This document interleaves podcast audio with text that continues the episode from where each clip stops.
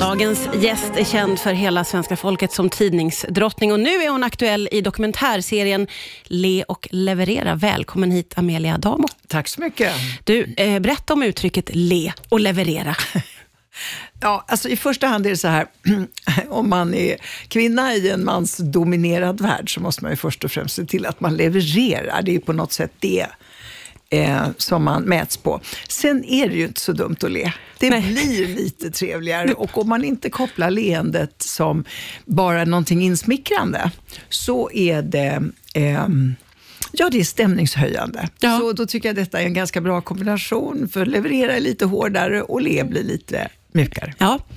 Du, eh, jag har sett eh, de här avsnitten i Le och leverera och jag tycker det var otroligt eh, intressant, för man får veta väldigt mycket om dig som privatperson. Eh, hur minns du dina första sex år?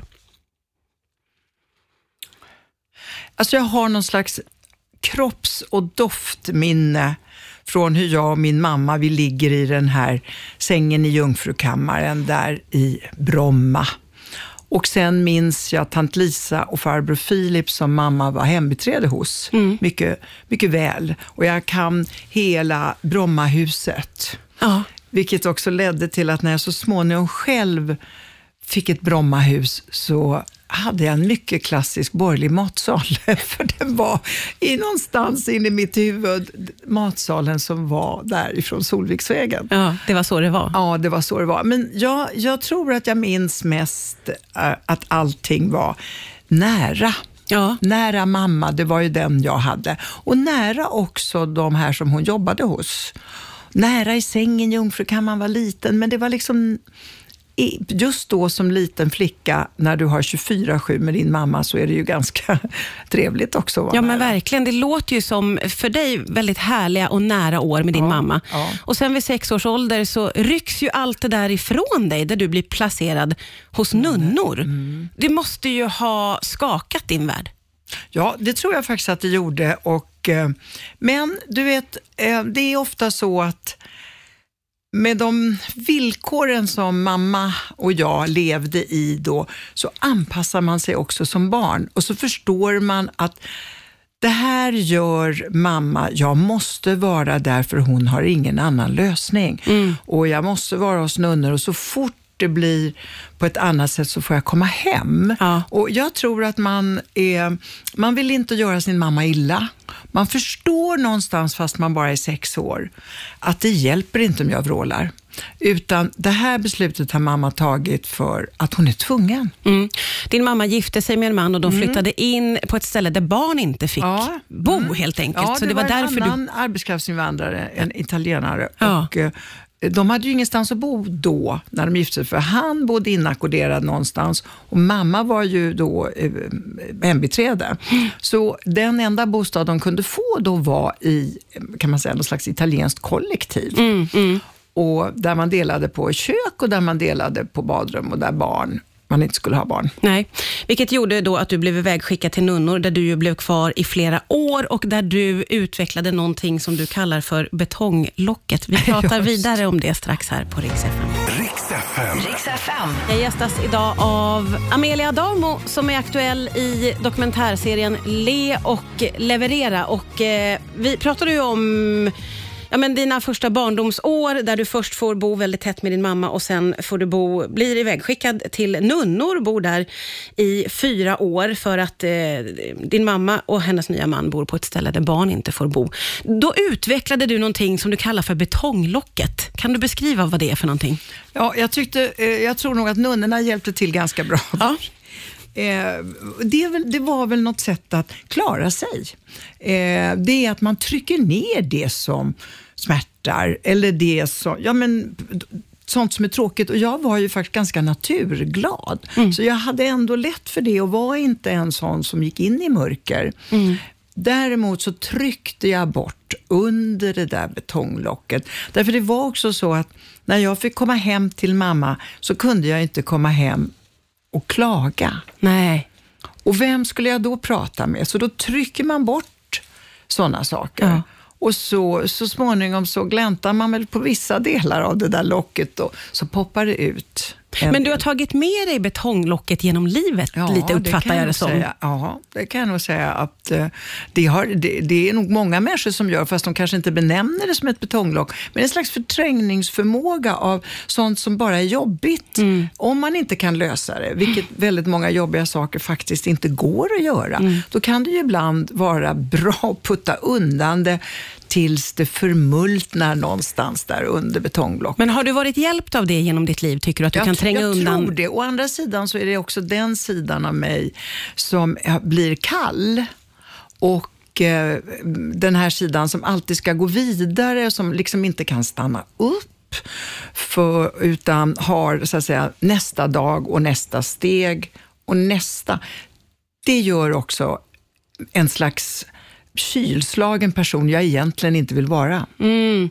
Du, eh, det här att du blev bortlämnad och fick bo i, borta från din mamma i fyra års tid. Hur har det påverkat dig som mamma? Ja, det har nog påverkat, eh, tror jag, mig som mamma. Men det jag skulle säga var att eh, ja, det här fanns ju under det här locket, det här som sveket, eller vad vi ska kalla det för. Ja, ja. Och jag, det dröjde väldigt länge innan jag talade med mamma om det. Därför att jag eh, förstod ju att det här var en handling som, som inte eh, hon egentligen tyckte om. Men då när hon eh, berättade så sa hon det på ett annat sätt som jag tyckte var så klargörande. Då sa jag så här, men hur kunde du mamma? Det var ju bara du och jag. Och hon bara tittade på mig och så sa hon, men vad klagar du för? Jag hade ju inte ens några föräldrar. För hon blev eh, föräldralös när hon var ungefär fem sex år. Och den där skolan som du gick i, visserligen var det nunnor där, men jag har bara gått fem år i skola. Så vad har det här var en bra skola. Så då plötsligt så såg jag att hon, i hennes värld, i den föräldralösa världen, så är det inget konstigt att ett barn åker kanske någon annanstans. Nej. Hon uppfostrades av en gammal moster. Hon tyckte jag hade det bra. De fanns ju ändå i Stockholm. Ja, ja, ja. Och du kunde se det med hennes ögon då? när Ja, hon... precis. Då, då föll på något sätt poletten ner att mammas referensram är inte min. Nej. Och, ett ta- och bara tanken på att jag skulle skicka mina barn som Ja. till engelska internatskolor när de är sex, åtta eller kanske till och med tio år. Det är klart att det skulle, det, skulle, inte, det skulle inte komma på fråga. Det skulle inte komma på Men fråga. kanske lite senare. Ja. För jag tycker ändå att det kan vara, det finns någonting bra eh, ändå med de här eh, internatskolorna. Jag tror att de lär sig mycket och jag tror att de blir, får väldigt bra sociala kontakter och så, får de, eh, så blir de lite väl uppfostrade. Ja, Okej, okej. så inte vid sex års ålder, men möjligen kanske när de är tonåringar. Vid 14, skulle kunna, 15. vid 14 skulle du kunna skicka iväg dem. Eh, vi ska prata vidare. En av dina söner är ju faktiskt med i eh, dokumentärserien. Vi ska prata lite om det om en stund. Här. FM.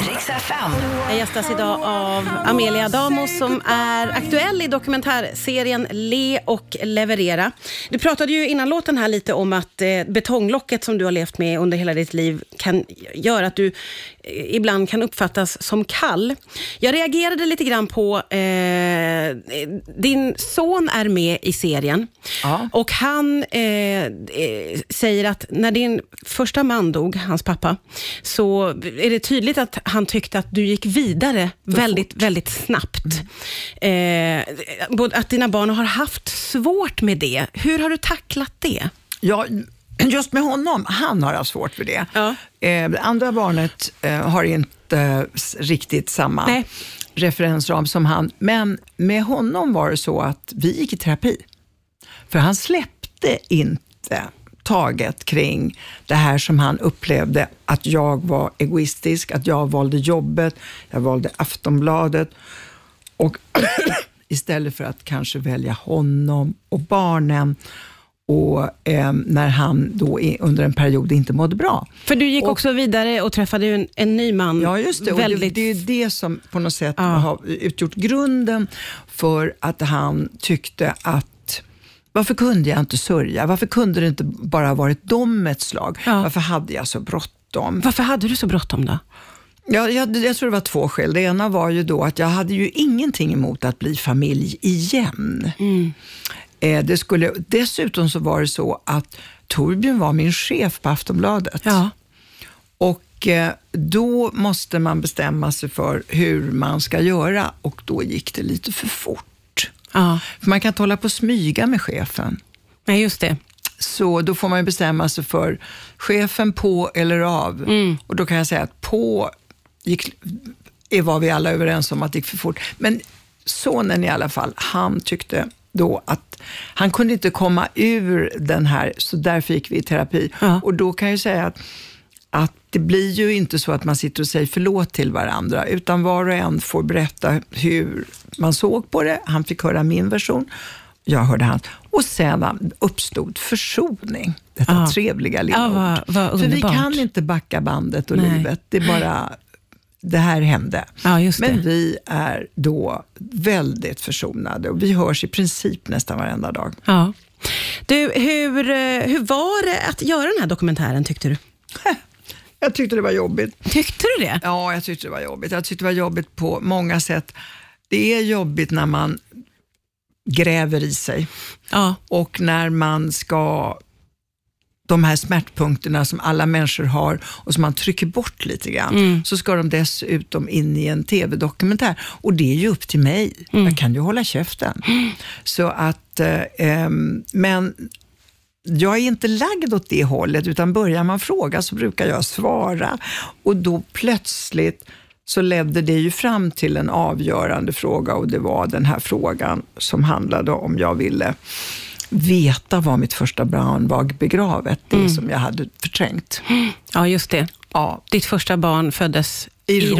Rom. Ja, Och och var- föddes för tidigt. Ja, precis. Gick Ja. bort direkt. Och begra- döptes, nöddöptes och begravdes också av nunnor. De här nunnorna går igen Ja, de går liv. igen i ditt liv. Ja, för vi var i Rom då. Ja. Och, ehm, ehm, och jag förträngde, min mamma var med mig också, och båda två så här, nej men nu måste vi se framåt, nu måste vi se framåt. Men pojken är ju död Mm. och etc. etc.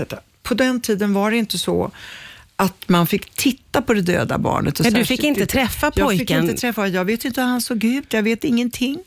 Och i den vevan så tog jag inte heller reda på något mer. Nej, nej. Och du- 50 år senare, så i den här tv-dokumentären så uppstår en möjlighet då att ta reda på vad, hem, alltså vad finns han? Ja, ja. Och det kan jag säga, det var ingen, eh, det, var, det var jobbigt. Det- Men jag är väldigt glad att vi gjorde det, för det är liksom, nu vet jag var han finns. Ja, ja. Det, det är mycket som är väldigt starkt i den här dokumentärserien och jag måste säga att jag som har följt dig mer karriärmässigt tror jag, fick se dig med ett helt par nya glasögon när jag tittade. Jag tyckte det var väldigt, väldigt eh, generös och intressant Du ska tittning. tacka Jesper Henke. Som har gjort som har dokumentären. gjort och som väldigt envist höll fast vid sin linje också. Ja, men det gjorde han rätt i Ja. tycker jag.